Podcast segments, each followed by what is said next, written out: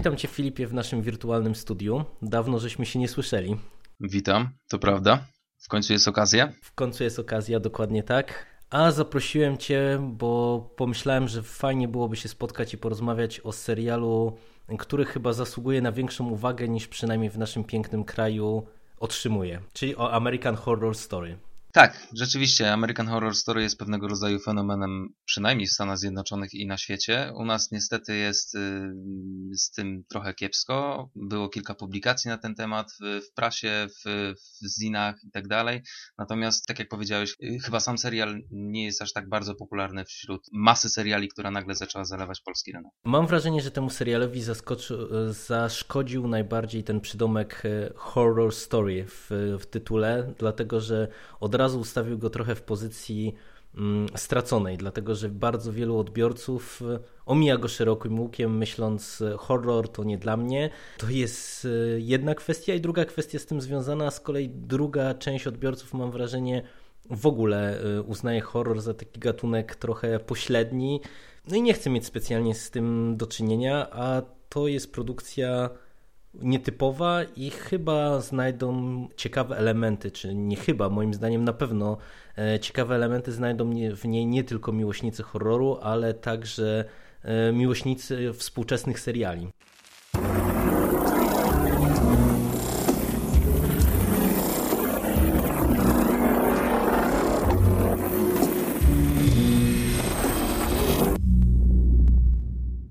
Nie ma co przedłużać słowa wstępnego.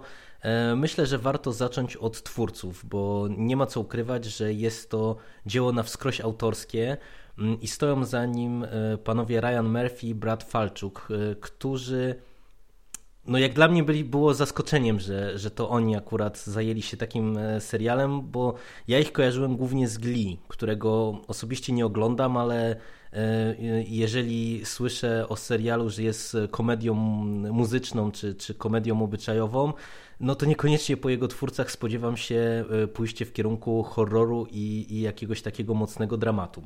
Ja szczerze mówiąc w ogóle nie słyszałem o tych twórcach. E, słyszałem oczywiście o serialu, też sam go nie oglądam, natomiast kojarzyłem głównie ten symbol, który jest taki dosyć popularny z serialu Glee.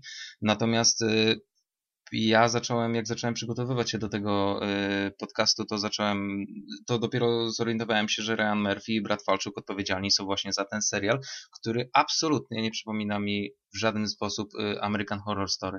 I raz, że byłem zaskoczony, a dwa, potem sobie mm, usposobiłem, że być może to, że ten serial zdobył tak dużą popularność y, w Stanach Zjednoczonych i jest nagradzany, y, być może to właśnie stanowiło o sile tego serialu, że przyszło dwóch, dwóch ludzi kompletnie niezwiązanych z horrorem, przynajmniej komercyjnie, przynajmniej y, dla szerszej widowni i zrobiło rzeczywiście świetny serial. Ja mam takie mm, wrażenie, że e, o ile Ryan Murphy i Brad Falczuk e, są, podejrzewam, w Polsce szerzej nieznani jako twórcy, no to jednak sukces Glee, ale też ich wcześniejszych seriali, jak na przykład Nip Tak, o ile dobrze ten tytuł kojarzę, które w Stanach odbiły się dosyć szerokim echem, no zagwarantował im taki, podejrzewam, pewną taryfę ulgową. E, natomiast oni chyba traktują, e, czy traktowali przynajmniej na początku American Horror Story tylko jak taki przerywnik właśnie po tym, e, czy od tego lekkiego klimatu, czy umownie lekkiego klimatu Glee. Jeżeli mówisz, że y, American Horror Story był y, serialem, który oni kręcili dla odskoczni od Glee, no to ta odskocznia, powiem Ci szczerze, że wyszła naprawdę rewelacyjnie. Mam wrażenie, że y, American Horror Story tylko początkowo był taką odskocznią, bo w tej chwili to już jest pełnoprawny produkt. I te pierwsze dwa sezony w szczególności mam wrażenie, że bardzo mocno już zbudowały i ugruntowały wręcz tą markę w, w, takim środowisku miłośników seriali w Stanach. Natomiast no pytanie, co się stanie po tym trzecim sezonie, który odniósł największy komercyjny sukces, no ale tak jak rozmawialiśmy już trochę poza podcastem, no chyba nie do końca spełnił oczekiwania tych, którzy sądzili, że ten kierunek zaprezentowany w pierwszych dwóch sezonach będzie kontynuowany. Dokładnie. Mam nadzieję, że potwierdzą się plotki i e, kolejny sezon będzie tematycznie oscylował wokół cyrku i grupy cyrkowej. E, tak jak powszechnie jest e, wypisywane na forach. Natomiast rzeczywiście trzeci sezon jest zupełnie inny. On nie jest zły, natomiast kompletnie, moim zdaniem, Murphy i Falch poszli w zupełnie inną stronę. E, jak czytałem jeden z wywiadów e, z Ryanem Murphy, on stwierdził, że to jest oczywiście jego ulubiony sezon i bardzo podoba mu się ten fakt, że wpletli mnóstwo humoru i satyry do tego, bo rzeczywiście ten sezon był, były tam takie momenty, które były dosyć śmieszne, co było trochę, nie powiem, że nie na miejscu, ale trochę dziwne w stosunku do poprzednich sezonów, bo tam nie było zbyt dużo śmiechu. No, zdecydowanie. Natomiast ja, ja, powiem Ci szczerze, że mnie w ogóle zastanawia to, co się mówi o trzecim sezonie e, w kontekście tego humoru, bo ja niespecjalnie widziałem tam ten humor. Właśnie wszyscy, wszyscy tak się rozpisywali o tym, że, że to jest zaleta właśnie tego trzeciego sezonu, że po tym takim hardkorowym i pojechanym drugim sezonie, czyli Asylum e, w Coven dostajemy no, taki lekki, yy, lekki sezon i, i, i, pełen humoru, natomiast ja po prostu tego nie widzę. Natomiast no, wydaje mi się, że to jeszcze dojdziemy do tego, pewnie opowiadając o trzecim sezonie i porozmawiamy sobie o tym w szczegółach.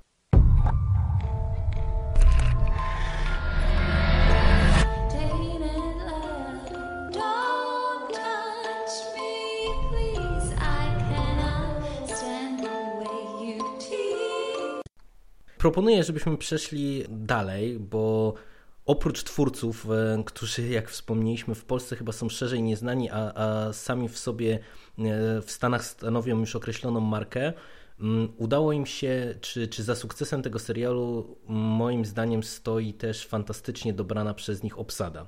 O tak, o tak, szczególnie e, od twórcy, mówimy, jeżeli mówimy o pierwszej, pierwszym sezonie, to takie trzy postacie wysuwają mi się na, na, na prowadzenie. To jest Dylan McDermott, grający mm, głowę rodziny Harmonów, Taisa Farmiga, czyli młodsza siostra Very Farmigi i Ivan Peters, e, który gra e, Tate'a Langdona. Obsada jest iście fantastyczna i, i to przecież mm, dla mnie jest swoistym fenomenem, że e, udało mi się połączyć na planie kilka pokoleń aktorskich, e, można powiedzieć, bo przecież dla mnie na przykład Taisa Farmiga wraz z Evanem Petersem to, to było absolutne odkrycie. Oni w pierwszym sezonie są po prostu fenomenalni i, i mimo, że przecież oni nie mieli jakiegoś chyba dramatycznie dużego doświadczenia aktorskiego, no to, to w starciu z tymi bardziej uznanymi e, aktorami wypadają znakomicie, e, poprzez właśnie chociażby Dylana, Dylana McDermonta, o którym wspomniałeś, jako tego przy, przedstawiciela średniego pokolenia, po Jessica Lange, która no, umówmy się, nie miała y, w ostatnim czasie chyba zbyt wiele do roboty, mówiąc kolokwialnie, no bo jednak jest chyba coś takiego, że mm, te, ci, te aktorki starszego pokolenia coraz trudniej pewnie e, znaleźć im jakieś ciekawsze role czy ciekawsze propozycje, e, a tutaj Ryan Murphy wyciągnął do niej rękę i no, mam wrażenie, że po prostu niejedna aktorka chciałaby mieć właśnie takiego Ryana Murphy, który, który tak świetnie by ją poprowadził i tak kapitalnie wplótł w, w, swój, w swój pomysł na, na, na cały serial. Dokładnie. Jessica Lange, to jest taka komiczna sytuacja, ponieważ ona e, mówiła, że e, ona niespecjalnie była zainteresowana tym serialem i tutaj, tak jak wspomniałeś, znowu, za, znowu za, zadziałał ten czynnik horror, ponieważ ona obchodzi, obchodziła przynajmniej jakimś szerokim łukiem horrory, z tego co mówiła w jednym z wywiadów, e, natomiast zdecydowała podobno te względy takie bardziej dramatyczne, ta historia Constance i córki Jamie i tak dalej, i tak dalej. To, co wspomniałeś, Tajsa Farmiga, czyli młodsza y, siostra Wery Farmigi, znana, znanej między innymi oczywiście z y, Bates Motel, y, ja powiem szczerze, ja nie byłem przekonany przez pierwsze kilka odcinków do tej, tej dziewczyny. Jakoś tak y, chyba patrzyłem na nią przez pryzmat tej siostry, którą a, bardzo sobie cenię.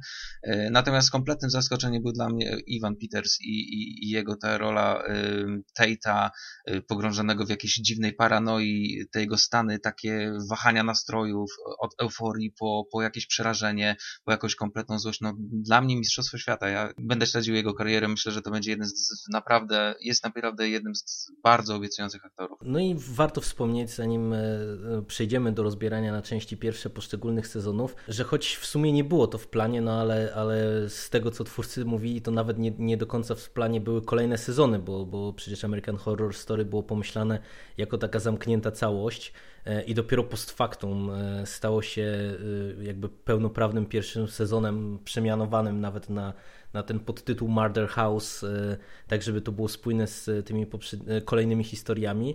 Mm, natomiast kapitalne jest to, że jest trzon aktorski, który przywija się przez wszystkie trzy sezony i w każdym z nich gra nie tylko inne postacie, często skrajnie różne, ale też prezentuje się z zupełnie innej aktorskiej strony. Dokładnie. Ja przyznam się szczerze, że chyba nie spotkałem się z takim zabiegiem, żeby e, jedna obsada aktorska grała w różnych sezonach, tak jak mówisz, bardzo różne i czasem skrajnie, skrajnie różne od siebie postaci. To świetny pomysł. Uważam, że to jest jeden z takich e, sztandarowych e, pomysłów. Fajne są te postacie też, które wchodzą jakby mm, w role drugoplanowe, to znaczy na przykład no nie chcę tutaj nawiązywać już tak wcześnie do, do, do poszczególnych sezonów, ale świetna na przykład rola jest Dylana McDermonta w drugim sezonie, czego bym się zupełnie nie spodziewał, bo, bo jakby rozwój tej fabuły w drugim sezonie w ogóle nie zwiastował miejsca dla takiej roli. To od razu mi się skojarzyło z tym, że właśnie w jednym z wywiadów z Ryanem Murphy ja czytałem, że on nawet specjalnie nie widział właśnie w tej konkretnej roli McDermonta, tylko po prostu jakoś tak w trakcie układania tej historii i, i rozwoju scenariusza nagle za, zaczął sobie uświadamiać, że on by świetnie pasował do tej postaci. I to, to jest w ogóle zresztą też taki y, jeden z absolutnie kapitalnych motywów, jeżeli chodzi o American Horror Story, że ta czołówka aktorska, ona się, tak jak wspomniałeś, właśnie przywija nie tylko, można powiedzieć, w ramach tych pierwszoplanowych ról, ale e, niektóre postacie, które wiodły prym w jednym sezonie, w drugim sezonie pojawiają się tylko jako e, jakiś tam e, dodatek i też wypadają znakomicie często w jakichś tam drugoplanowych rolach.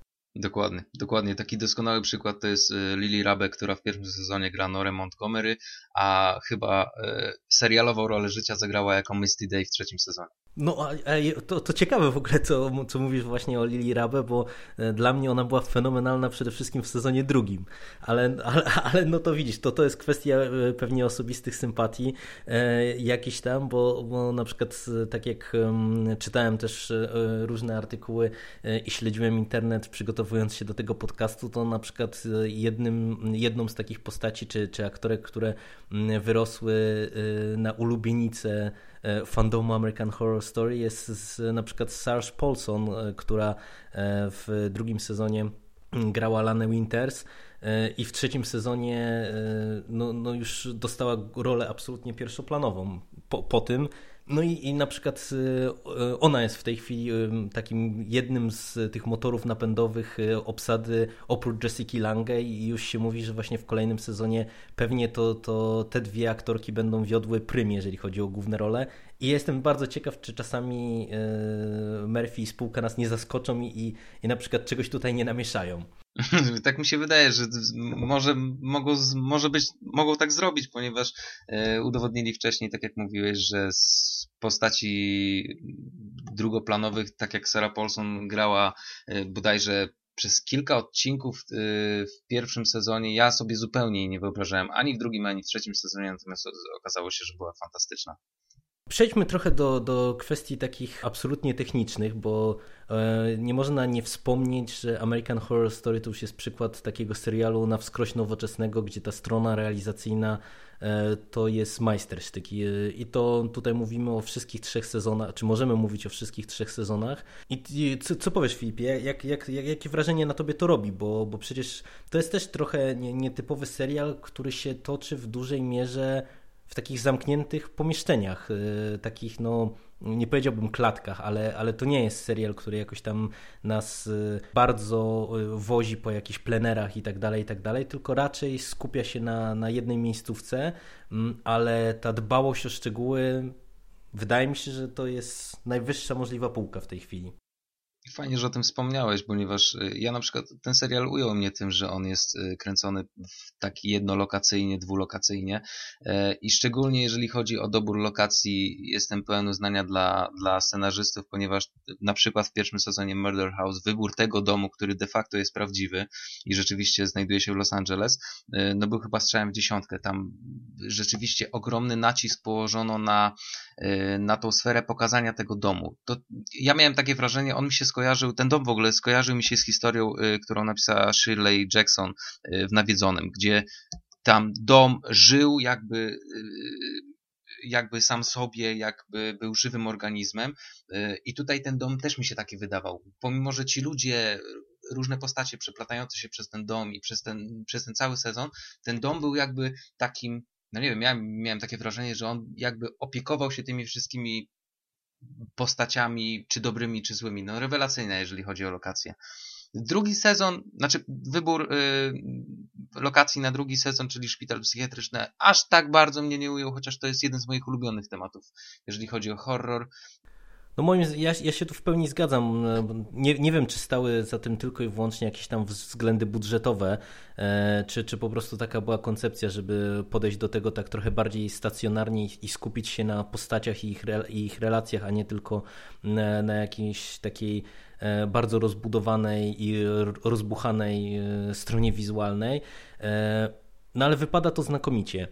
I jeżeli mówimy o stronie technicznej, to yy, chciałem Cię zapytać, jak e, Ci się podoba rzecz, która no, moim zdaniem jest e, absolutnie fenomenalna, jeżeli chodzi o American Horror Story, yy, czyli yy, te czołówki, czy, czy te napisy, które są mm, napisy początkowe, które w, w każdym sezonie możemy śledzić i, i w zasadzie to jest tak, taki, taka mm, mini scenka, czy, czy, czy mini opowieść wewnątrz serialu każdorazowo.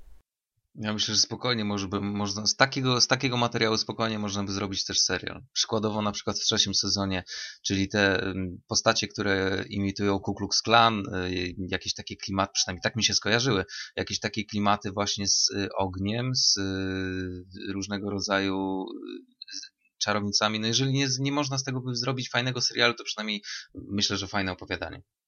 No, zdecydowanie się z Tobą zgodzę I, i mnie to bardzo, bardzo ujęło. Natomiast przechodząc pomału trochę już do, do konkretów, bo, bo myślę, że będziemy zmierzać pomału do omówienia poszczególnych sezonów, e, to ja mówiąc szczerze, e, po tych napisach początkowych w tym pierwszym sezonie, później przechrzczonym na Murder House, po całym sezonie poczułem się trochę oszukany, bo te, ta czołówka jest strasznie mocno horrorowa a American Horror Story y, sezon pierwszy no chyba do końca y, na takich horrorowych nutach nie gra. Wiesz co, y, ja nie czuję się oszukany po pierwszym sezonie, ponieważ jakby odbieram tą czołówkę, jeżeli już się na niej skupiamy, jako taki trochę zabieg marketingowy mający na celu przykucie widza do, do telewizora, powiedzenie mu chodź tu i oglądaj. Znaczy ja ci powiem tak, że ja o tyle się poczułem oszukany, że mam wrażenie, że y, to chyba nie, nie do końca właśnie był strzał tak w dziesiątkę z punktu widzenia E, pozyskania szerokiej grupy odbiorców, bo właśnie ta, ta czołówka w American Horror Story bardzo tak, taka klimatyczna i, i no co by nie mówić dosyć przerażająca. Mam wrażenie, że ustawiała ten serial od początku wespół już z samym tytułem serialu na takiej pozycji właśnie, że będziemy mieli serial typowo grozy, mm, a przecież American Horror Story można równie dobrze rozpatrywać jako taki swoisty dramat rodzinny, szczególnie właśnie w tym pierwszym sezonie.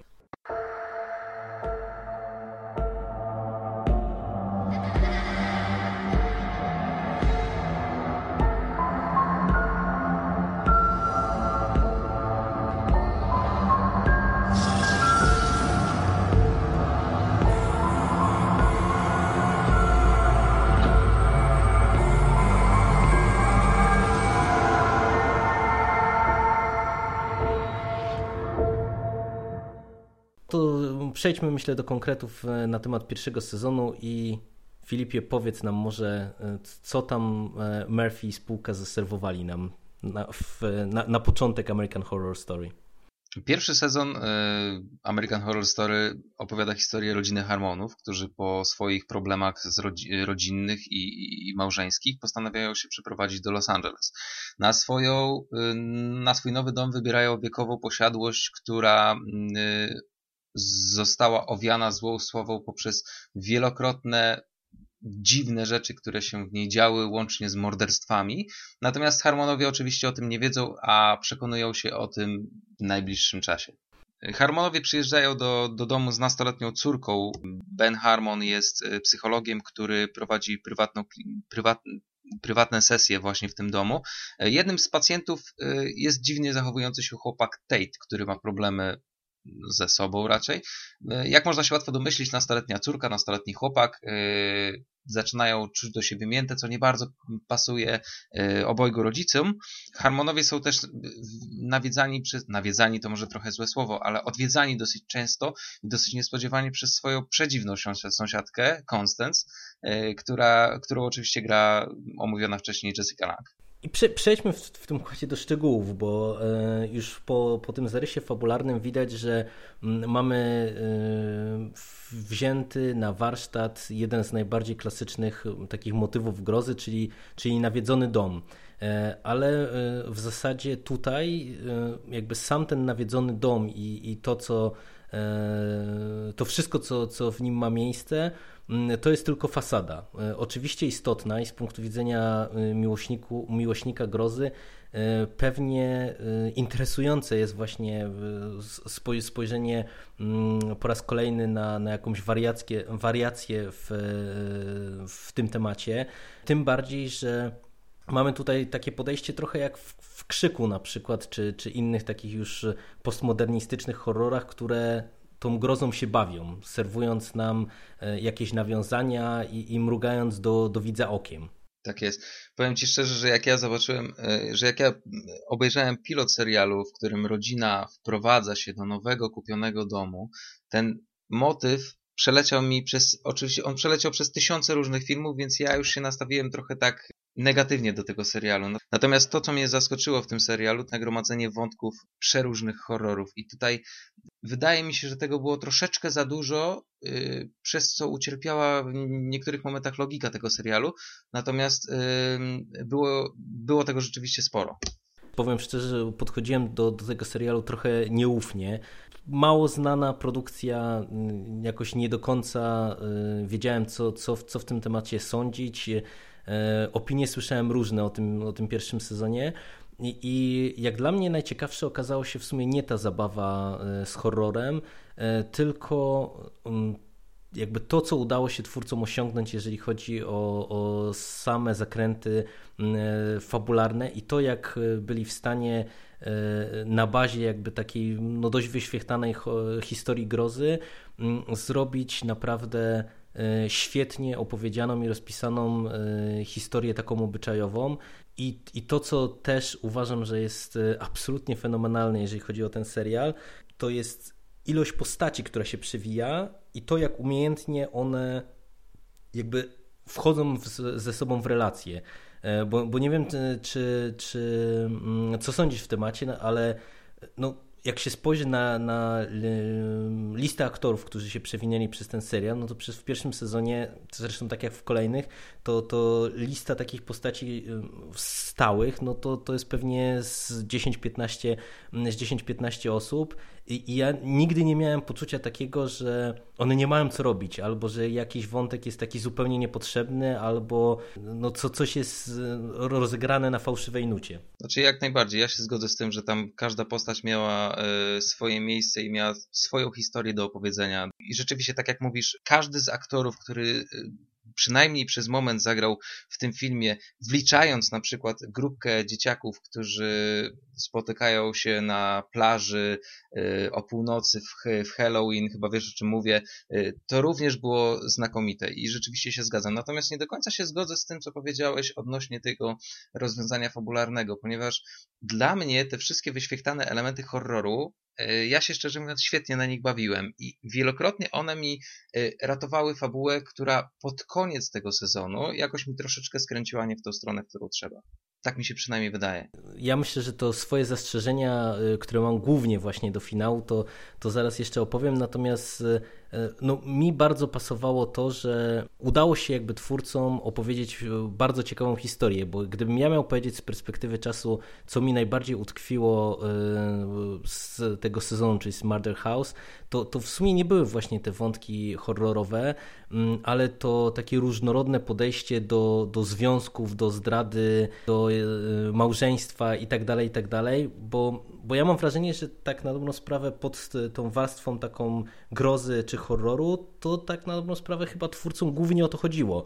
I przecież mamy y, przeróżne jakby relacje, bo mamy y, trójkąt miłosny, czy małżeństwo z problemami w osobie harmonów, y, mamy przecież tych Romeo i Julię w, w postaciach Tate'a i Violet, mamy tą parę gejów chociażby, y, czyli poprzednich właścicieli, którzy y, no też wypadają przecież y, fenomenalnie i tak dalej, i tak dalej, a jak do tego jeszcze, a jak jeszcze do tego dołożymy Drugi taki wątek y, bardzo ciekawie poprowadzony, też na, na y, przykładzie kilku postaci, czyli wątek macierzyństwa, y, który dochodzi przecież tutaj i, i, i u Vivien, ale tak na dobrą sprawę przecież w zasadzie wszystkie te kobiety, czy, czy znaczna mm, część z tych kobiet, które się tam nam przywijają, począwszy od tych pierwszych duchów, można powiedzieć, zamieszka, zamieszkujących to domostwo, gdzieś tam wokół tego macierzyństwa i tematu macierzyństwa się to wszystko kręci. E, I mam wrażenie, że właśnie bardzo, bardzo fajnie te, te historie są prowadzone. Ale to fajnie, że o tym wspomniałeś, bo chyba uzmysłowiłeś mi, jak dawno ten, temu ten serial widziałem i rzeczywiście e, masz rację, jeżeli chodzi o motyw małżeństwa, to był on nader eksponowany. W ogóle motyw nie tylko małżeństwa, ale relacji między kobietą a mężczyzną, abstrahując od y, pary byłych właścicieli, y, to rzeczywiście było mocno eksponowane. Tutaj jeszcze chciałbym dopowiedzieć, ponieważ bardzo mi się podobała postać, jeżeli chodzi o relacje y, z, z różnymi członkami obsady, którzy, którzy grali w American Horror Story, czyli Francis Conroy i Alexandra Breckinridge. Ona grała Moirę O'Hare i ta postać Moiry jakkolwiek sztampowa, jakkolwiek y, taka dosyć mocno już y, eksponowana w innych filmach i przez inne motywy, to tutaj była absolutnie znakomita. Szczególnie mówię o tym, zaspoileruję, że była ona widoczna jako młoda, ponętna dziewczyna dla mężczyzn, natomiast jako bardzo ciepła i taka mm, dostojna staruszka dla, y, dla kobiet a oczywiście stała za tym nas tajemnic e, tego domostwa. I jeżeli chodzi o sam finał, bo ty wspomniałeś właśnie o tych e, swoich zastrzeżeniach co, co do mm, tego, że ta fabuła czy, czy te wątki fabularne skręcają w stronę nie taką do końca jak potrzeba, to, to ja mam największy problem właśnie z finałem, bo, bo tak odnosiłem wrażenie, że to wszystko, mimo że dosyć zakręcone, co zresztą chyba jest taką wizytówką American Horror Story, e, zmierzało w jakimś takim dosyć interesującym kierunku i ja bym wolał chyba, żeby ten serial się zakończył na 12 odcinku bez tego odcinku, odcinka finałowego, który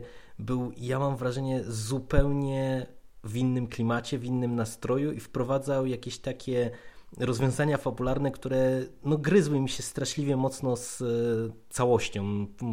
Czyli, czyli można powiedzieć, że cały serial w mojej ocenie chyba był czym innym niż dostaliśmy w finale. I nie dziwię się trochę, że, że wielu ludzi się tym finałem zawiodło i, i ma do niego jakieś tam pretensje ja nie jestem wielkim fanem finału pierwszego sezonu, natomiast jeżeli dobrze pamiętam, ja zobaczyłem odcinek, y, zobaczyłem y, zakończenie odcinka 12, to y, miałem ogromne what the fuck, bo dla mnie to było to tak jakby połowa scenariusza z American Horror Story przemieszała się nagle z połową scenariusza z Glee. I zakończenie było wręcz, no nie wiem, świąteczne, rodzinne, co pozostawiło mnie kompletnie skonfundowanego, jeżeli chodzi o, o, o całość tego serialu jeden z finałowych obrazków, kiedy ta cała rodzinka sobie stoi w oknie, ktoś tam odjeżdża mm, z krzykiem z pod domu, to, to naprawdę skojarzyło mi się to z finałem Beetlejuice'a, tylko to, co tam y, grało, bo jakby było takim logicznym następstwem e, całości wydarzeń, no to tutaj się to po prostu bardzo mocno gryzło, a szczególnie po tym przecież, co, co otrzymaliśmy w takim bezpośrednim e, rozwiązaniu fabularnym, no jednej z takich najważniejszych kwestii, czyli kwestii macierzyństwa Vivien, nie? I, i przecież dostajemy bardzo mocny odcinek wcześniej, a później najpierw dostajemy jakąś taką sentymentalną komedyjkę, jak wspomniałeś, e, a później jeszcze e, moim zdaniem już karygodny błąd popełniono w samym finale tego odcinka, gdzie, gdzie poszło, e, poszli twórcy z kolei w taką bardzo mocno horrorową dosłowność, która no nie wiem, wydaje mi się, że to nie, absolutnie nie było potrzebne tutaj, jeżeli chodzi o ten serial. Też mi się tak wydaje. Do tego mówisz, że o, o, o horrorowej dosłowności dla mnie to było wymieszane z takim jakby melodramatyzmem. No ja mówię, nie chciałbym zaspoilerować, żeby komuś nie psuć zabawy, ale jakoś kompletnie mi nie pasował ten finał i, i, i jakby on się dla mnie po prostu w pewnym momencie urwał, szczerze mówiąc. Po, po, po scenie z Hayden i z Benem i takim bardzo prostym i wręcz prostackim rozwiązaniem to było dla mnie takie dziwne.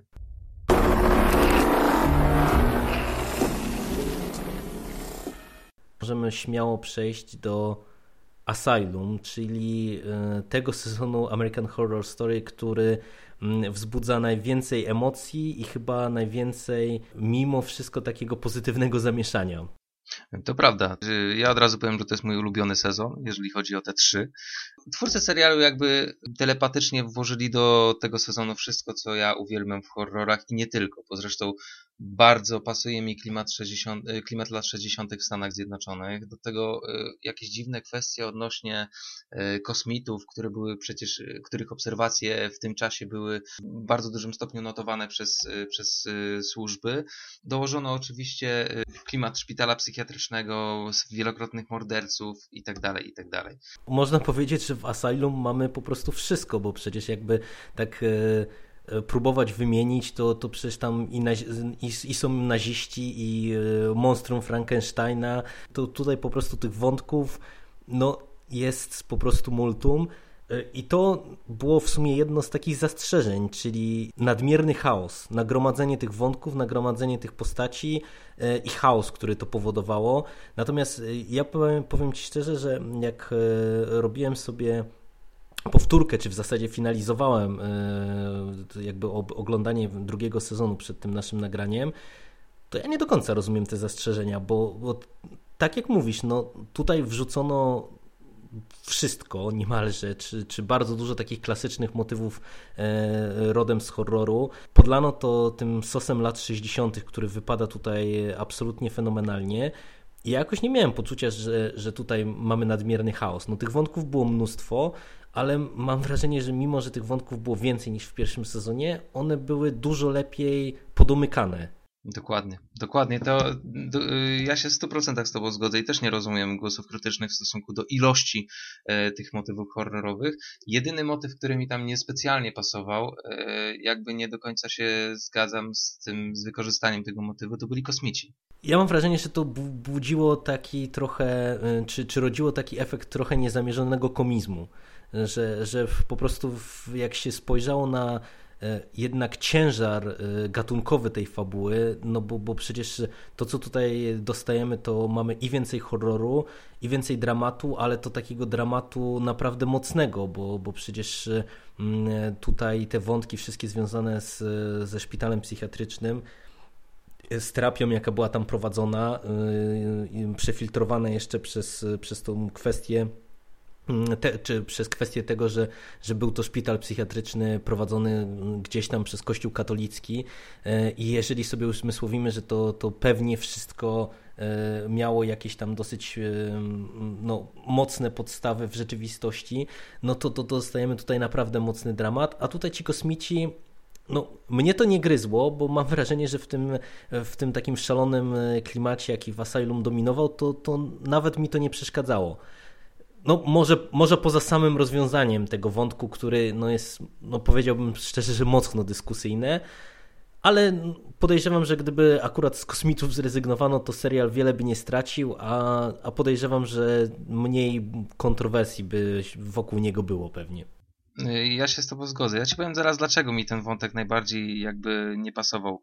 Y, ja po obejrzeniu trzech sezonów zastanawiałem się, y, jaki jest, nie wiem, motyw przewodni każdego z tych sezonów. I tak jak wspomniałeś, czego ja nie wyłapałem, że w pierwszym sezonie jest małżeństwo łącznie z macierzyństwem, tak w drugim sezonie, dla mnie przynajmniej, ogromną rolę grała religia, która się absolutnie nie pojawiała w, w sezonie pierwszym. Chociaż mogła wielokrotnie, bo i egzorcyzmy, i egzorcyzmowanie domu, i różne, różne, y, różne motywy, które mogły w jakiś sposób nawiązać do religii katolickiej, kompletnie się tam nie pojawiały.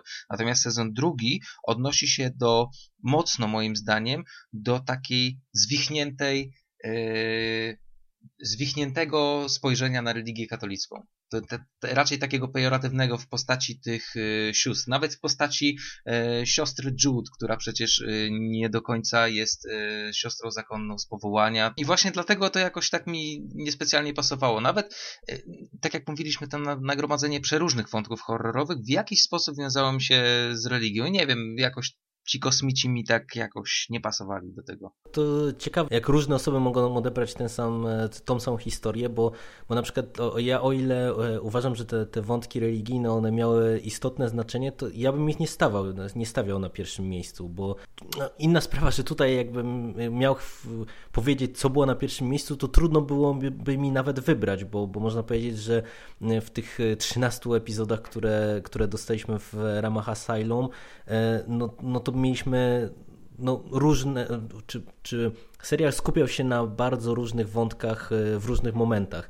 I, i tam przecież była e, i jakaś odpowiedzialność za słowo, i, i etyka dziennikarska poruszona, i właśnie te wszystkie kwestie religijne, i, i to i na takim poziomie, czy, czy w aspektach duchowych, i w takich aspektach ściśle instytucjonalnych, no bo, bo przecież tutaj mamy cały ten wątek związany z ambicjami tego Timothy Howarda, fenomenalnie granego przez Josepha e, mm, ale no nie wiem, mnie najbardziej utkwiło chyba w pamięci z tych takich wątków e, no, nie, niekoniecznie skupionych na grozie, chyba mimo wszystko kwestia chorób psychicznych, które no, jakby jak sam tytuł wskazuje, no, mamy do czynienia ze, ze szpitalem psychiatrycznym, natomiast no, dla mnie y, osobiście było to chyba najmocniejsze, jeżeli chodzi o ten sezon. E, tutaj mówię, wiesz, o, o, o, tych wszystkich terapiach, nie? O, o, tym, e, jak i za co Lana Winters e, zostaje zamknięta w ogóle w zakładzie psychiatrycznym, co samo, samo to już w dzisiejszych czasach no, jest mocne, a jak spojrzymy jeszcze na terapię, którą serwuje jej dr Tredson w dalszej części sezonu, no to już to już w ogóle, e, ale tutaj no, no przecież mamy cały, cały szereg różnych tych wątków właśnie medycznych, e, jak chyba w mm, moim zdaniem chyba najlepszym takim dyptyku e, w ogóle odcinków z całego serialu, czyli mm, tej historii My Name is Anne Frank, gdzie tam mamy taki dwuodcinkowy epizod gdzieś tam w połowie mm, tego drugiego sezonu, który kończy się, no moim zdaniem, takim no, absolutnie dającym w głowę y, finałem, który no niestety, ale był osadzony pewnie dosyć mocno w tamtejszych praktykach, y, czy, czy, czy w tym, co, co kiedyś było uważane za jakąś tam normę, jeżeli chodzi o traktowanie ludzi w zakładzie psychiatrycznym. I to, to jakoś tak bardzo mocno na mnie oddziaływało. A to jest zabawne, że, że y, poszczególne osoby zupełnie różne y, kwestie, jeżeli chodzi o ten serial, oddziaływują, no bo ja, jeżeli chodzi o eksperymenty medyczne, przyglądałem się im oczywiście z przerażeniem, ale jakby nie, nie wychodziły dla mnie na pierwszy plan. To, co wyszło oprócz religii, y, oprócz kwestii religijnych u mnie na pierwszy plan w drugim sezonie American Horror Story, to była mm, jakaś relacja matka, syn, co się wyjaśniło w, praktycznie w końcówce, ale to jakoś, jakby mnie ktoś zapytał, co najbardziej zapamiętałem, to te dwa motywy e, najbardziej utkwiły mi w głowie. A mam jeszcze pytanie do ciebie, jak odnosisz się właśnie odnośnie tego, co powiedziałeś e, o tym odcinku My Name is Anne Frank, jak odnosisz się do tego, do tej, no nie wiem, kontrowersji, odnośnie tematu nazizmu i, i, i, i, i hitleryzmu w, w tym serialu? Akurat w tym drugim sezonie. Jest to dla Ciebie jakaś kontrowersja? Powiem Ci szczerze, że nie, natomiast ja stoję trochę na stanowisku, że możemy, możemy się o to kłócić oczywiście, czy to jest dobrze, czy, czy niedobrze i czy, czy tak powinno być, czy nie, natomiast e, moim zdaniem e, naziści no, weszli do popkultury i, i bardziej niż e, jako jacyś tam po prostu, nie wiem, źli ludzie, e, że się tak e, kolokwialnie wyrażę, e, no oni stanowią taki sam horrorowy jakiś tam motyw jak, nie wiem, potwór Frankensteina. No, to to nie, nie, nie bez przyczyny mamy strony w internecie, naziści byli źli, ale ładnie się ubierali, albo, albo w wielu, wielu horrorach mamy nazistów, którzy są okultystami zapatrzonymi w religię i tak dalej, i tak dalej i, i, próbują, nie wiem, sklonować Hitlera. E, natomiast e, tutaj ja mam wrażenie, że e, było to potraktowane z takim dosyć dużym wyczuciem, no bo, no bo ta historia opowiedziana w tym odcinku no to jest bardzo fajnie poprowadzona opowieść moim zdaniem, bo, bo tak naprawdę do końca, przecież do samego finału, tak do końca my nie wiemy, czy, czy to jest Anne Frank, czy, czy nie, czy, czy tutaj mm, Arden faktycznie coś miał za uszami, czy nie. Y, I to uważam jest bardzo umiejętnie poprowadzone i mimo tego, że to jest właśnie tak mocno jakby zakorzenione już w popkulturze y, i, i że z Ardena tutaj y, robi nam się niemalże drugiego Mengele trochę w tym odcinku, no to z drugiej strony to, to ja mam wrażenie, że bardzo dosadnie też pokazano właśnie jakby tą taką wojenną rzeczywistość i, i, i mimo, że yy, i, nie próbowano tego ani specjalnie jakoś tam podkoloryzować, ani jakoś tam wybielać. Ja się z Tobą zgodzę odnośnie tej kwestii, którą powiedziałeś na początku wypowiedzi, że narzyści weszli do popkultury. Jeden z moich ulubionych filmów jest Dead Snow, więc ja tutaj mam podobne zdania na ten temat. To powiedz mi, y, Filipie, teraz, y, bo no, mówię, króluje taka ogólne, takie ogólne przeświadczenie, że drugi sezon to jest no, niejaki chaos. Natomiast, no, tak jak żeśmy rozmawiali na początku i w sumie żeśmy się zgodzili, że te wątki chyba są podomykane całkiem nieźle. I powiedz mi, jak oceniasz jakby sam ten finał e, całej tej opowieści? Czy można powiedzieć, że kilka finałów? No bo ja bym powiedział, że tutaj jakby finał tej historii właśnie przez to, że są domykane poszczególne wątki, to w zasadzie jest rozciągnięty chyba na, na trzy, jak nie cztery odcinki niemalże. To powiedziałeś dokładnie to samo, co ja chciałem powiedzieć, że każdy, że ten sezon obfituje chyba w 4 czy 5 finałów dla mnie. Dla mnie finał, czyli 13 odcinek, y, jak ja obejrzałem, y, po, po obejrzeniu tego, tego odcinka stwierdziłem, że to jest idealne zakończenie, dla mnie przynajmniej. Bo y, nie dość, że te wszystkie wątki, które były poprzednio podomykane w taki czy inny sposób, niejako wiązały się postaciowo y, z tym, co się wydarzyło y, w 13 odcinku. I dla mnie ten, dla mnie ten finał był bardzo dobry. Chyba o wiele, wiele lepszy niż, niż finał sezonu pierwszego. No, ja się z Tobą zgodzę, tym bardziej, że to, co mi się jeszcze podobało, na przykład właśnie już nawet z perspektywy tego finałowego odcinka, czy, czy w ogóle jakby tego, jak te wszystkie wątki y, zostały pokończone, to jest to, że e, twórcy do końca w zasadzie nie bali się jeszcze wprowadzać e, jakichś dodatkowych elementów, bo przecież tak na dobrą sprawę dopiero w ostatnim odcinku pojawia nam się cały wątek związany z mm, e, Laną Winters i, i jej taką drogą życiową i, i, i, tym, co ona zrobiła już po opuszczeniu Bright I na przykład to jest super motyw. I, i mam wrażenie, że tutaj mm, jeżeli byśmy rozmawiali właśnie o takich ciekawych i, i ważnych kwestiach, które poruszają Murphy z Falczukiem w ramach American Horror Story, no to przecież tutaj ten motyw takiej odpowiedzialności jakoś tam za, za, za słowo dziennikarskiej, no do mnie bardzo przemawia, szczególnie w dzisiejszych czasach, gdzie, gdzie przecież no umówmy się, e, dziennikarstwo e, no, jest na bardzo różnym poziomie i, i, i no, no, niestety, no bywa z tym, z tym różnie. A oni w, tak na dobrą sprawę na sam koniec wprowadzili jeszcze dodatkowy element, który też całkiem nieźle pasował do, do tej takiej wielopoziomowej układanki.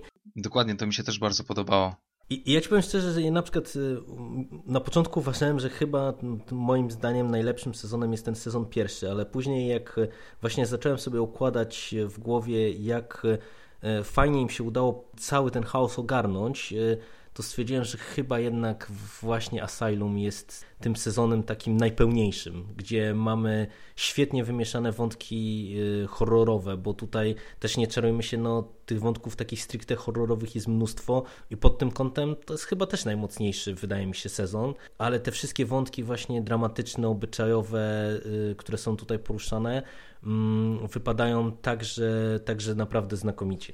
No mi nie pozostaje nic innego jak się zgodzić, bo dla mnie Asylum to jest rewelacja. Od początku do końca. To jeżeli my zgodziliśmy się, że Asylum zasługuje na wszystkie laury, które zdobyło, y, zaprośmy w tym momencie pierwszego gościa, czyli Michała Ochnika z mistycyzmu popkulturowego, który powie nam trochę o tym, jak on znajduje American Horror Story Asylum.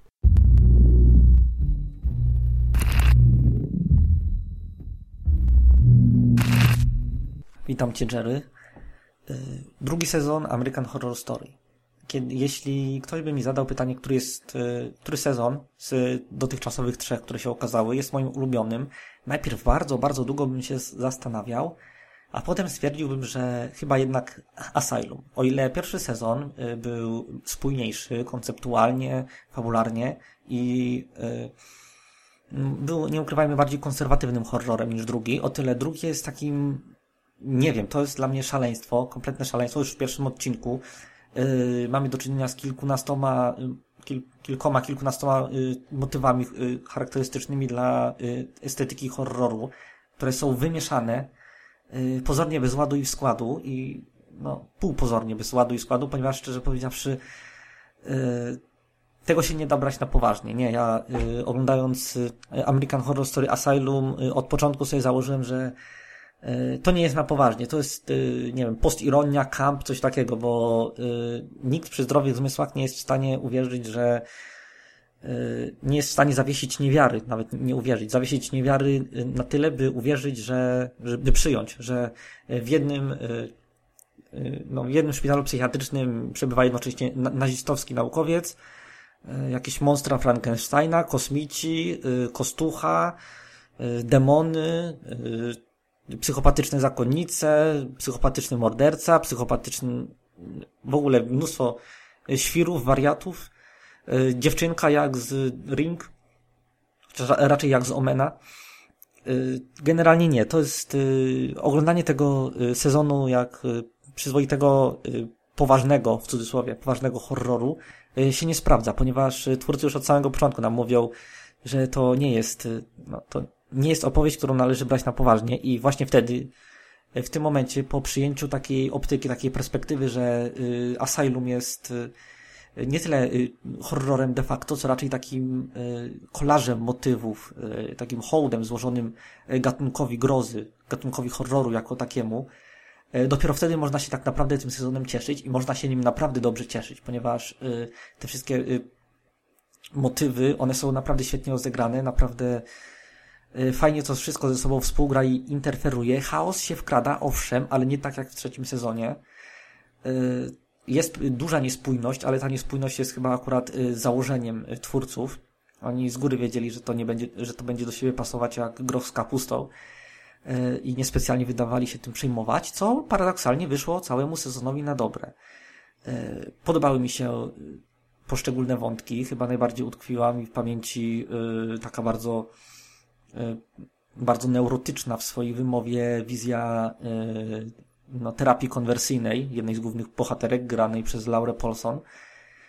E, ale było też, no i scena aborcji wieszakiem również nie należała do, no również była dość mocna. Aczkolwiek serial broni się nie tylko tym zalaniem widza motywami różnymi horrorowymi i mocnymi, szokującymi scenami, broni się także Y, fabularnie, ponieważ o ile te wątki są dość do siebie średnio pasujące, o tyle one bardzo fajnie się ze sobą splatają, kiedy bohaterowie zakładają y, między sobą jakieś sojusze chwilowe, jak y, niektóre wątki się łączą, dochodzi do interakcji pomiędzy bardzo wyrazistymi, bardzo ciekawymi, interesująco skonstruowanymi postaciami. Do tego te wszystkie zabawy czasem, te retro i futurospekcje, no w końcu serial zaczyna się tak naprawdę kilkadziesiąt kilkanaście, kilkadziesiąt y, lat y, po y, ramowej fabule, taką dużą futurospekcją i kończy się w sumie, nie, chyba nie pamiętam ostatniej sceny, ale też jedną z ostatnich scen właśnie była rozgrywająca się kilkadziesiąt lat po, no, po, głównej, po głównym wątku serialu. No cóż, wiem, że trochę chaotycznie opowiadam o American Horror Story Asylum, ale ten serial, no cóż, ten serial taki właśnie jest. On jest chaotyczny, jest wstrząsający, jeśli chodzi właśnie o ten, ten rozstrzał gigantyczny. Nie, nie bardzo wiem, jak to opisać, ale American Horror Story Asylum jest właśnie moim ulubionym sezonem z tego powodu, ponieważ próbuje być wszystkim naraz i doskonale wie, że polegnie na próbie bycia wszystkim naraz, więc jest czymś jeszcze. No teraz to już kompletnie zagmatwałem, ale nie mam pojęcia jak inaczej mógłbym to określić. W każdym razie szczerze, gorąco, z całego serca polecam American Horror Story Asylum, jeden z no, najfajniejszych miniseriali. Jeśli każdy sezon American Horror Story bierzemy za miniserial, to jest to jeden z najfajniejszych miniseriali, z jakimi da, danymi było obcować. Dla fanów horrorów i to y, powiedziałbym raczej tych bardziej wyrobionych, tych, którzy docenią te wszystkie nawiązania i smaczki. Dziękuję. Dominique, Nick, Nick s'en allait tout simplement, routier, pauvre et chantant. En tout chemin, en tout lieu, il ne parle que du bon Dieu, il ne parle que du bon Dieu. À l'époque où Jean sans terre d'Angleterre était le roi, Dominique, notre père, combattit les albigeois. Dominique, Nick, Nick s'en allait tout simplement, routier, pauvre et chantant. I myślę, że z czystym sumieniem możemy e, przejść do sezonu trzeciego, czyli American Horror Story Coven, który no jest y, mocno inny od tego, co dostaliśmy w poprzednich y, dwóch odsłonach. No mocno inny to tak subtelnie powiedziane moim zdaniem. Powiem Ci szczerze, że ja ten cały sezon y, odbieram jako takie wymieszanie trochę pastiszu, horroru i nieco komedii. Wspomniałeś na początku, że nie widzisz tych wątków komediowych. Ja wielokrotnie jednak parskałem śmiechem na tym, na tym sezonie, co mi się bardzo kłóciło z ideą American Horror Story. Już nie mówiąc o zakończeniu, które jest dla mnie taką y, bardziej, myślę, dorosłą wersją, y, nie wiem, szkoły Hogwartu Harry'ego Pottera. To jest, to jest w ogóle ciekawe, jeżeli tutaj mówisz o, o Hogwarcie, ponieważ e, ja się spotkałem z e, takimi opiniami. E, zresztą to jak kiedyś gdzieś poza podcastem rozmawiałem z Michałem Ochnikiem z, właśnie z mistycyzmu kulturowego naszym gościem, to, to on na przykład użył takiego porównania, że dla niego American Horror Story Coven to jest Harry Potter na prochach. ale ja mam wrażenie, że tego zupełnie tu nie widać. W tym sensie, że to jest, to jest sezon e, z mojej perspektywy zaprzepaszczonej szansy. W tym sensie, że e, jeżeli e, ktoś mówi o chaosie wątków w sezonie drugim, no to ja nie wiem, jak sklasyfikować sezon trzeci, bo tutaj mam wrażenie, że tych wątków jest, jest po prostu multum, przy czym większość z nich się po prostu totalnie rozłazi, znika i, i, i nic z tego nie wynika. A z perspektywy finału to ja miałem e, skojarzenie nie z Hogwartem, tylko z, e, ze szkołą e, Xaviera dla mutantów, ale to już, to już moje, moje prywatne skojarzenia.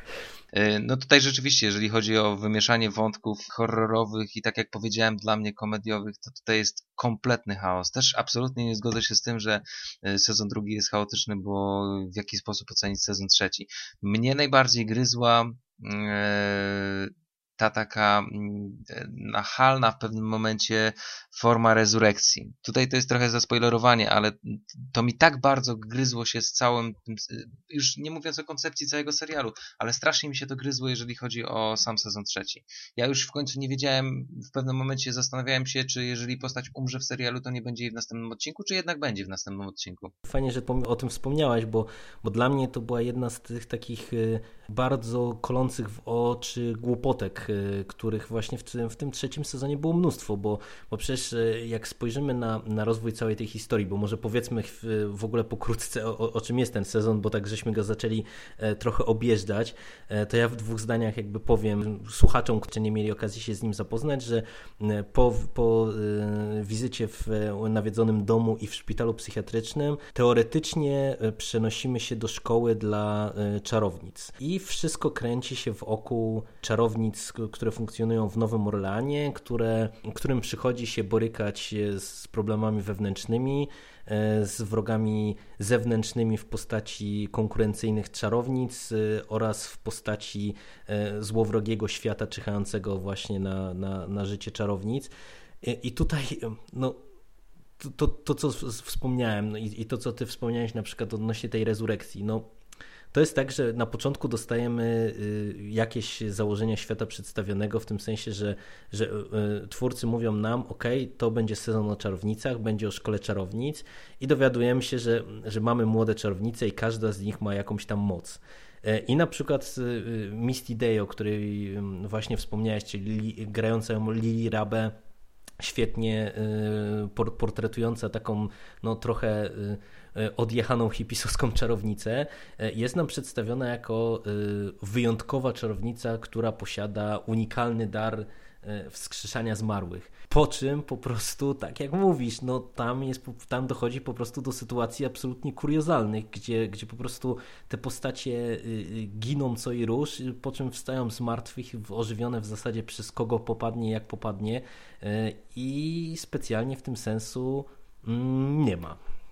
Wiesz co, ja myślę, że to było założenie niejako producentów i scenarzystów, czyli właśnie Murphy'ego i Falczuka, którzy sobie jakby niejako zażartowali i, i, myślę, że to była dla nich odskocznia od tych dwóch sezonów, które były jednak dosyć mroczne i dosyć ciężkie, natomiast ten sezon trzeci był takim właśnie, y, był taką właśnie odskocznią poprzez na przykład właśnie sceny rezurekcyjne i mnóstwo innych rzeczy, które kompletnie mi nie pasowały do tego serialu. Znaczy, ja, ja, powiem Ci tak, że jak ja sobie podsumowywałem i układałem w głowie y, trzeci sezon, to odnios, odniosłem takie wrażenie, że tam y, był też potencjał na podobny, tak emocjonalnie y, sezon, jak to mieliśmy na przykład w tych, w tych w poprzednich przypadkach. Bo w sumie mamy przecież tutaj znów kilka takich ciekawych i, i, nawet nieźle na początku zarysowanych mocnych wątków, bo mamy przecież e, wątek, e, mamy wątek rasizmu ciekawie zasygnalizowany na przykładzie tej postaci portretowanej świetnie przez Katie Bates, czyli Madame Delphine Lalaurie i jej znajomości z Queenie.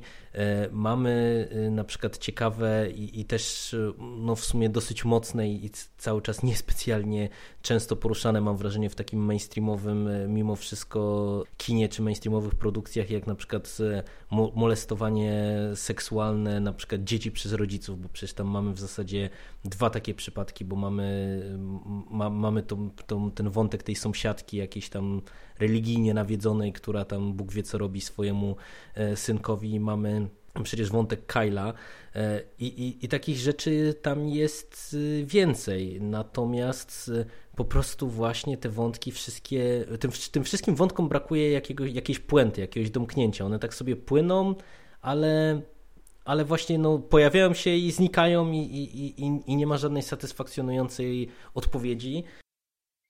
Ja ci powiem szczerze, że mnie to drażniło, że takie mm, e, dosyć mocne wątki, tak jak mówisz, czy rasizmu, czy nawet e, takiej pojechanej matczynej miłości, e, są zmieszane z takimi trochę debilnymi wątkami, bo przez to dla mnie cały ten sezon stracił jakby swoją siłę rażenia, którą zbudowały dwa poprzednie. I ja jakby odbieram go w kategoriach raczej pomyłki z, y, producenckiej niż, niż pełnoprawnego sezonu, więc mam nadzieję, że jakoś to pójdzie w, w wróci to na odpowiedni tor. A to jest ciekawe, y, bo z jednej strony właśnie, y, przynajmniej tak jak ja rozmawiałem z wieloma y, ludźmi, którzy tutaj mieli okazję się zapoznać z American Horror Story Coven, to ja mam wrażenie, że ten serial ma właśnie, znaczy ten sezon, przepraszam, ma e, taką niezbyt dobrą opinię, a on się sprzedał e, za granicą najlepiej i w, i w Stanach jest bardzo chwalony. Więc e, no tak ja do końca nie mam takiego przekonania, mówiąc szczerze, czy, czy to nie będzie trochę kierunek, jaki sobie twórcy obiorą w przyszłości. No ja czytałem z jednym z wywiadów, że, że właśnie to będzie taki kierunek, y, w którym, który, w którym y, ten sezon pójdzie, że będzie duża dawka humoru i duża dawka śmiechu. No nie wiem, no moim zdaniem trochę, trochę nie bardzo. No. Nie, nie to było siłą tego sezonu dla mnie. Dla mnie ten sezon był bardzo dziwnym i mocnym, e, takim mocno niepokojącym e, widowiskiem, a stał się takim dziwnym, śmiesznym amerykańskim produktem. No tylko pytanie, wiesz, jeżeli się okazało, że jednak widzowie wolą oglądać właśnie coś takiego, czy, czy po prostu e, twórcy nie, nie stwierdzą, no sprzedajmy to kilku milionom telewidzów więcej niż dla garstki fanatyków, którzy tam docenią e, jakieś tam interesujące smaczki. No i pytanie po prostu, czy, czy tutaj ten czwarty sezon to będzie e, raczej powrót w kierunku Asylum, czy, czy to będzie raczej kontynuacja, e, kontynuacja wątków, czy, czy kontynuacja takiego klimatu, który był zapoczątkowany w trzecim sezonie. Bo, bo no mówię, tutaj Pastwić by się można długo, natomiast jak rozmawiamy sobie na przykład, czy rozmawialiśmy o finałach pierwszego i drugiego sezonu, to, to przecież tutaj w trzecim sezonie, no, no, nie, nie wiem, czy, powiedz Filipie, jak ty w ogóle znajdujesz tutaj ten, ten finał, czy to rozwiązanie właśnie tych głównych wątków, no bo, bo ja mam wrażenie, że to już o ile jeszcze tam nie, niektóre e, motywy, które były właśnie w trakcie sezonu jestem w stanie kupić, to, to ten finał dla mnie rozkłada cały sezon na łopatki. No ja jestem dokładnie tego samego zdania, ponieważ ja zupełnie nie odnajduję finału. Jeżeli już było wiadomo, w którą stronę pójdzie ten serial i w którą stronę, do czego, do jakiego finału to dąży, to ja już powiem Ci szczerze, straciłem zainteresowanie. I dla mnie również y, straciłem zainteresowanie, która z, tą która z tych postaci będzie jakby wywyższona, która umrze, która zmartwychwstanie znowu. Jakby straciłem zupełnie zainteresowanie tym, tym, tym serialem pod koniec. Z tego, co powiedziałeś, dlatego, że to był serial, y, moim zdaniem, y, to był sezon oczywiście, moim zdaniem zaprzepaszczonych szans. Jedną z takich ogromnych zaprzepaszczonych szans jest rola Katy Bates, która później doszła już do jakichś absurdalnych, takich kuriozalnych rzeczy, jak y, gadająca głowa. Chwaliliśmy właśnie mm, twórców za y, wybory aktorskie y, i, i tutaj no, ciężko zarzucić coś Katie Bates, no bo z roli się wywiązała nieźle, natomiast ona po prostu tu nie miała co grać moim zdaniem. Dokładnie, ona przez połowę sezonu była świetna. Pierwsze Pamiętam, że pierwsze odcinki, chyba pierwsze trzy odcinki bardzo mi się spodobały. Bardzo mi się spodobał motyw tej e, kobiety Delphine Lalaurie, natomiast później poszło to w zupełnie inną stronę niż ja oczekiwałem, stąd moja ocena dosyć niska. Tak jak rozmawiałem o finale, to jeszcze strasznie e, jedna rzecz jakby mnie tak e, kole w oczy, jeżeli chodzi właśnie o, o samo to rozwiązanie tych finalnych wątków. E, i piję tutaj do tego wywiadu, który e, udziela jedna z bohaterek w telewizji w finałowym odcinku i gdzie nagle dostajemy na klatę taką e, przemowę rodem z najgorszej, y, moim zdaniem, politycznej poprawności, e, która tam mówi, że no, my wiedźmy takimi, żeśmy się urodziły i tak dalej, i tak dalej, i tam prosimy e, nas zaakceptować i teraz podstaw sobie za, każdą dowolną mniejszość e, uciskaną i, i będzie na to samo.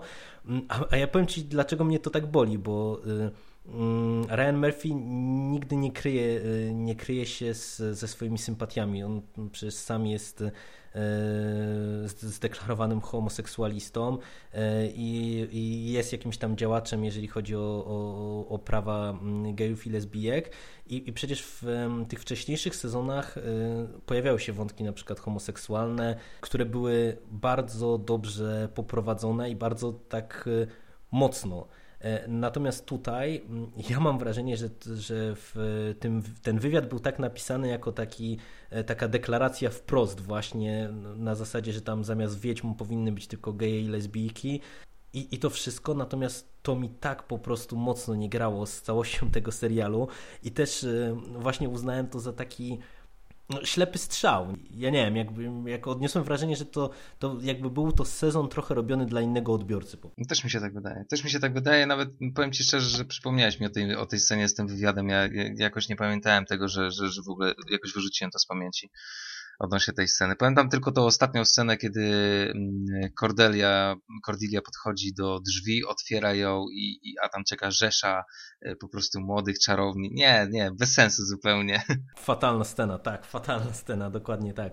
A, a jeszcze muszę cię o jedną rzecz zapytać, bo mm, to był ciekawy sezon o tyle, że on był zdominowany przez e, kobiety E, czyli moż, można powiedzieć, że taki sezon feministyczny nam się zrobił.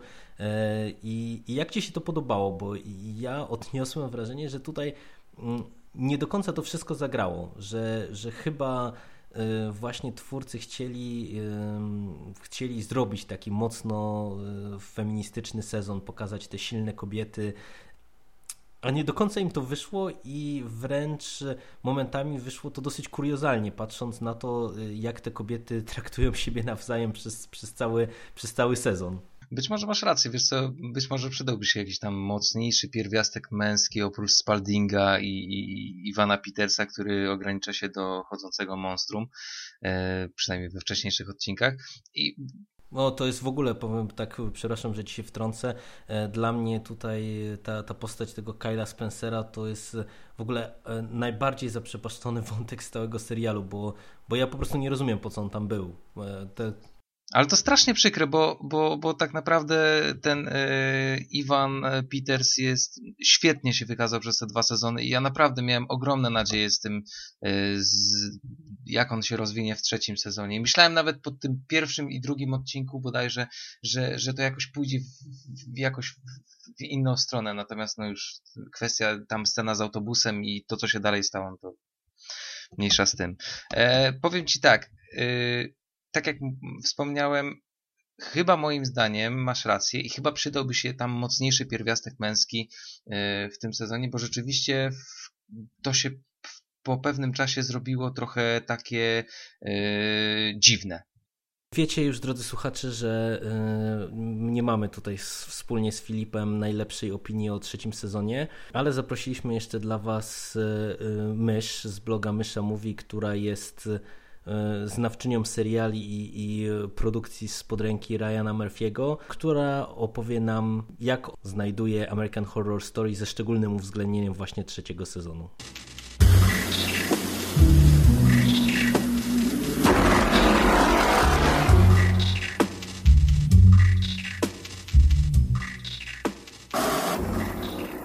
Po pierwsze chciałabym powitać słuchaczy serdecznie i przeprosić, jeżeli brzmię cokolwiek e, basowo, ale jestem bardzo mocno przeziębiona, więc mogą się zdarzyć jakieś nagłe ataki kaszlu albo kichania.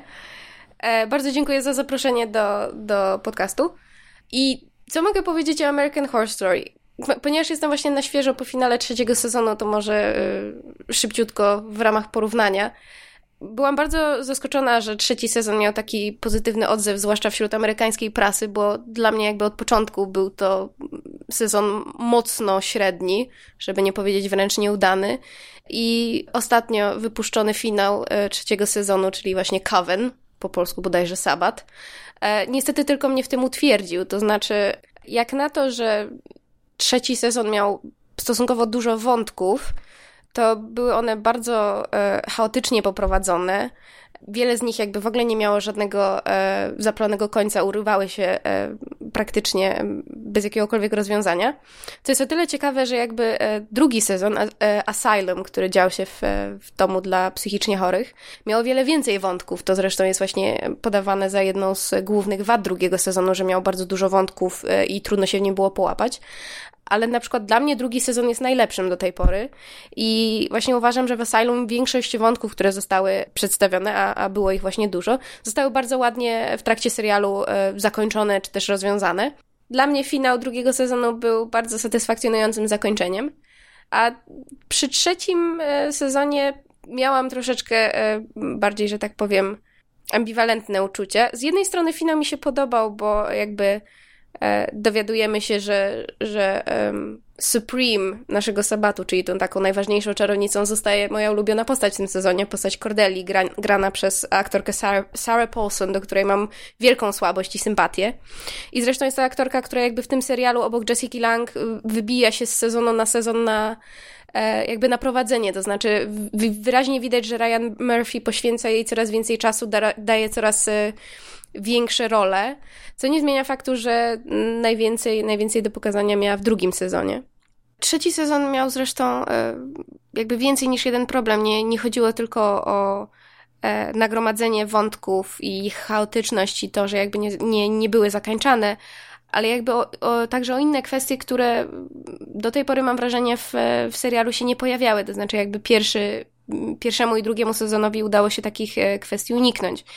Tutaj w trzecim sezonie zwłaszcza e, trzeba zwrócić uwagę na kwestie rasowe, to znaczy trzeci sezon dział się w Nowym Orleanie, jakby w, w kontekście też religii voodoo i, i czarnoskórych e, kapłanek voodoo, które, które właśnie jakby uprawiały czary oprócz e, naszych bohaterek, czyli białych czarownic, potomkin czarownic Salem. I jakby biorąc pod uwagę, że serial miał się w jakiś sposób skupiać na konflikcie tych, tych dwóch jakby odłamów, tych dwóch gałęzi magii, to muszę powiedzieć, że byłam zawiedziona tym, jak właśnie um, osoby czarnoskóre były w serialu pokazane, bo, bo były pokazane szalenie stereotypowo. E, główną motywacją tych postaci właściwie była wyłącznie zemsta. I jakby rozumiem, że, że w kontekście, prawda, horroru, niewolnictwa, zemsta na białych to jest jakby dość, dość znany motyw w popkulturze i często się przewija, chociażby ostatnio mieliśmy, prawda, przykład tego w Django Quentina Tarantino, ale nie wiem dlaczego, ale spodziewałam się po Ryanie Murphy właśnie raczej e, przełamywania stereotypów niż ich utrzymywania. I mam wrażenie, że w ogóle cały ten sezon jest takim jednym wielkim stereotypem, co jest właśnie dziwne z punktu widzenia twórcy, który jest zadeklarowanym homoseksualistą i, i nie kryje się ze swoimi poglądami. Zresztą jakby mieliśmy tego przykłady właśnie w drugim sezonie, gdzie jakby wątek wyleczenia homoseksualizmu był jednym z takich najbardziej, przynajmniej dla mnie, najbardziej wstrząsających i, i emocjonalnych. Więc jakby po, po takim twórcy można by się było spodziewać jakiegoś przełamywania stereotypów, czy, czy chęci ich przełamywania. E, a nie dość, że mamy stereotypy rasowe, to mamy też e, stereotypy w kwestii e, płci, bo chociaż bodajże 7 na 9 wiodących ról w tym sezonie było grane przez kobiety i zresztą grane, grane fenomenalnie, bo właściwie w całej obsadzie nie było słabej aktorki, zwłaszcza z tego starszego pokolenia. O młodszym można debatować, ale to już są kwestie, że tak powiem, indywidualnego e, gustu i podejścia. Problem polegał na tym, że e, jak na taką zawartość kobiet i na takie, tak e, ciekawy pomysł właśnie przedstawienia akcji w szkole dla dziewcząt i przedstawienia magii, która jakby od, od zarania dziejów jest przede wszystkim, że tak powiem, dziedziną, dziedziną szalenie kobiecą, jest to serial, który bardzo, w bardzo przykry sposób też powiela pewne stereotypy na temat kobiet, tego jak, jak wyglądają relacje między, między kobietami. I mam w sumie pretensje do Murphy'ego o to, że w serialu e, relacje między kobietami skupiają się właściwie tylko i wyłącznie na, na zawiści, na zazdrości, na, na agresji, na, na szalenie nie, niepozytywnych, e, szalenie negatywnych emocjach to takie powielanie stereotypów jest ukazane także y, jakby w tym, że bohaterki, które są w gruncie rzeczy potężnymi czarownicami, e, są w rzeczywistości bardzo e, podatne na wpływ mężczyzn. To widzimy chociażby w postaci Cordeli, która jest jakby tłamszona przez swojego męża. Widzimy to w postaci Fiony, która w późniejszym, późniejszych odcinkach serialu jakby wpada pod wpływ Axmana, czyli to, on, nie wiem jak on się po polsku nazywał, facet z siekierą. E, widzimy to też e, nawet w postaci e, Marie Laveau, która jakby jest pod, pod wpływem Papy Legby, który jest co prawda postacią jakby demona czy, czy Boga, ale jest też postacią męską, która w jakiś sposób kontroluje działania naszych postaci, czy na nie wpływa. I to jest to, jest to tyle dziwne, że w finale, zwłaszcza w finale właśnie, wychodzi e, z Ryana Murphy'ego taki e, aktywista spraw, spraw wielkich, że tak powiem, czyli właśnie na przykład feminizmu i tolerancji dla homoseksualistów, co jest zresztą wiodącym e, wątkiem we wszystkich, mam wrażenie, jego, jego serialach i jego tworach. Tylko, że wydaje się to wątkiem wepchniętym bardzo na siłę, zwłaszcza e, biorąc pod uwagę to, że w, przez 12 odcinków widzimy właśnie, jak te kobiety zamiast się zjednoczyć drą koty, skaczą sobie do oczu, wbijają sobie czasem dosłownie noże w plecy, a potem nagle w finale dostajemy, e, że tak powiem, uśmiechniętą słoneczną pocztówkę, prawda, z napisem siostry łączcie się, bo jeżeli się nie połączymy, to, to świat nam wlezie na głowę. Tylko jakby zawarcie takiego przesłania tylko i wyłącznie w finale e, jest bez sensu, bo przeczy, przeczy wszystkiemu, co do tej pory jakby serial zdążył nam pokazać. Zresztą brak konsekwencji jest chyba kolejną z, z wad tego sezonu i widzimy to w, i w kreowaniu e, postaci, które jakby z, z, odcinka na odcinek kompletnie zmieniają fronty i raz są dobre, raz są złe, raz e, e działają tylko w, mając na uwadze własny interes, a czasami dla dobra ogółu. E, jakby nawet główna bohaterka Fiona z odcinka na odcinek, mimo że jakby miała być tym naszym głównym złym i mieliśmy, mieliśmy jej nienawidzieć, to nawet ona była szalenie niekonsekwentna i co chwilę zmieniała, że tak powiem, fronty. Podobnie z postacią, wydawałoby się inną postacią negatywną tego sezonu, czyli Madame Delphine LaLaurie, którą fenomenalnie zagrała Kathy Bates. Jej postać, która jest przedstawiona w serialu jako szalenie rasistowska, człowiek zakładałby, że, że powinna przyjść, prawda, jakąś przemianę i, i serial zresztą e, przez parę odcinków to sugerował w postaci jej przyjaźni z, z Queenie, z postacią graną przez Gaburnay Sidibe, jeżeli dobrze pamiętam, jak się wymawia jej nazwisko, która była nominowana do Oscara za rolę w Precious. Nie, to było novel, jak to było? Precious, based on a novel Pushed by Sapphire, czy jakoś tak, szalenie długi tytuł filmu. I, i jakby mam wrażenie, że twórcy sugerowali nam, że, że postać właśnie otrzyma swoje odkupienie. A zamiast tego w jednym z przedostatnich odcinków y, kompletnie, że tak powiem, y, zignorowano całą jej y, przemianę. Stwierdzono, że jednak nie, ona pozostanie rasistką i, i, i potem ją po prostu zabito. Więc serial American Horror Story sam sobie ma bardzo ciekawy pomysł na siebie w tym, że jakby każdy sezon jest zamkniętą całością, ale trzeci, trzeci sezon uważam za wybitnie nieudany. Gdybym miała uszeregować sezony według jakby poziomu fajności to dla mnie osobiście e, wygrywa drugi sezon, czyli Asylum, potem sezon pierwszy, Murder House i, i Coven wypada na końcu. I trochę mnie smuci to, że Ryan Murphy e, zaczął od takie, tak dobrych dwóch sezonów, po czym w trzecim nagle kompletnie się rozleniwił. E, pozostaje nam mieć nadzieję, że czwarty sezon jakoś zdoła odbić się od dna. I w sumie im dłużej nad tym myślę, tym bardziej stwierdzam, że trzeci sezon miał tyle wad, że e, długo by o nich mówić, a ponieważ e, nie ma na to czasu, to podejrzewam, że wkrótce na blogu Mysza Mówi pojawi się jakaś dłuższa notka na ten temat, wyszczególniająca wszystkie wady, jakie trzeci sezon miał, więc jeżeli kogoś to będzie interesowało, to zapraszam. I to chyba tyle z mojej strony.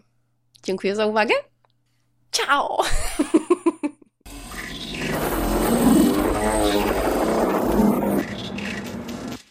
Dziękujemy i my będziemy zmierzać już ku końcowi i podsumowaniu e, American Horror Story jako produktu na razie złożonego z trzech sezonów. E, no i powiedz mi Filipie, jak e, oceniasz w ogóle koncepcję takiego serialu, jak, jak ją znajdujesz?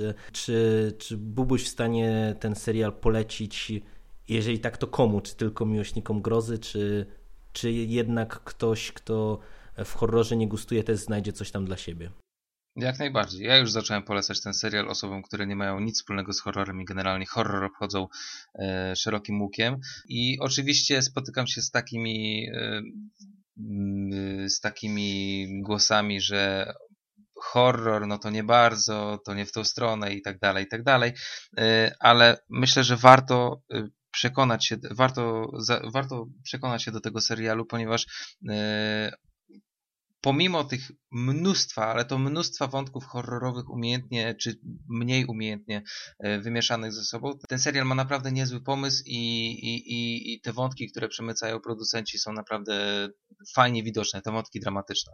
Także ja powiem Ci szczerze, że samą koncepcją serialu jestem dalej zachwycony. Pomimo tego trzeciego sezonu, który moim zdaniem był nieudany, to jestem dalej na tak. Mam nadzieję, że plotki, które, tak jak wspomniałem na początku, mówią o tym, że Jessica Lang uczy się niemieckiego akcentu, a e, sama, e, sama fabuła ma rozgrywać się w latach 50. i ma mieć coś związanego z Niemcami, to pełnią się prośby bardzo wielu fanów i, i, i rzeczywiście będzie to sezon o trupie cyrkowej. Chociaż y, Murphy kategorycznie dementuje te plotki.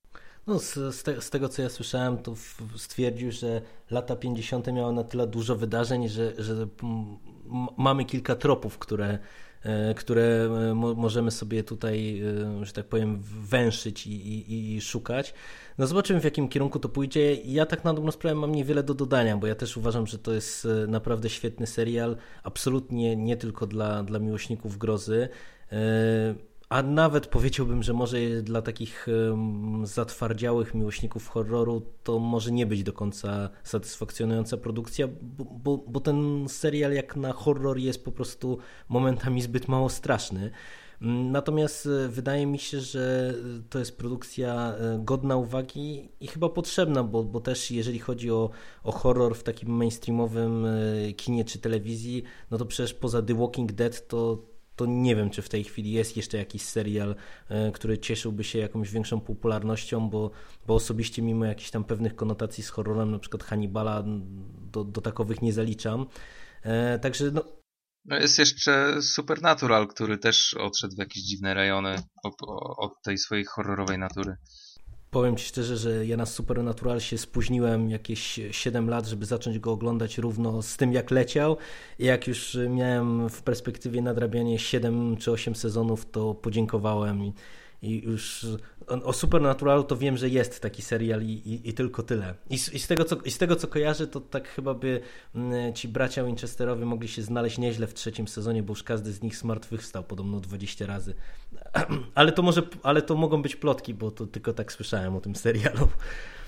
Dobra, Filipie, to ja, ja, dziękuję Ci bardzo za, za nagranie. Mam nadzieję, że tam uda nam się jeszcze coś e, wspólnego nagrać w przyszłości. Mam nadzieję, że słuchacze żeśmy nie zanudzili, tylko zachęcili ich do, do sprawdzenia American Horror Story.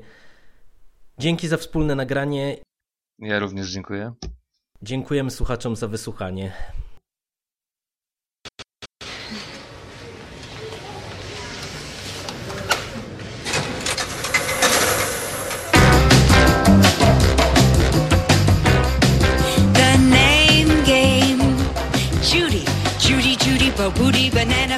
For foodie, fee, fi, mo, moody, Judy. Lana, Lana, Lana, for bana, banana, fana, for fana, fee, fi, mo, mana, Lana. Come on, everybody. I say, now let's play a game. I bet you I can make a rhyme out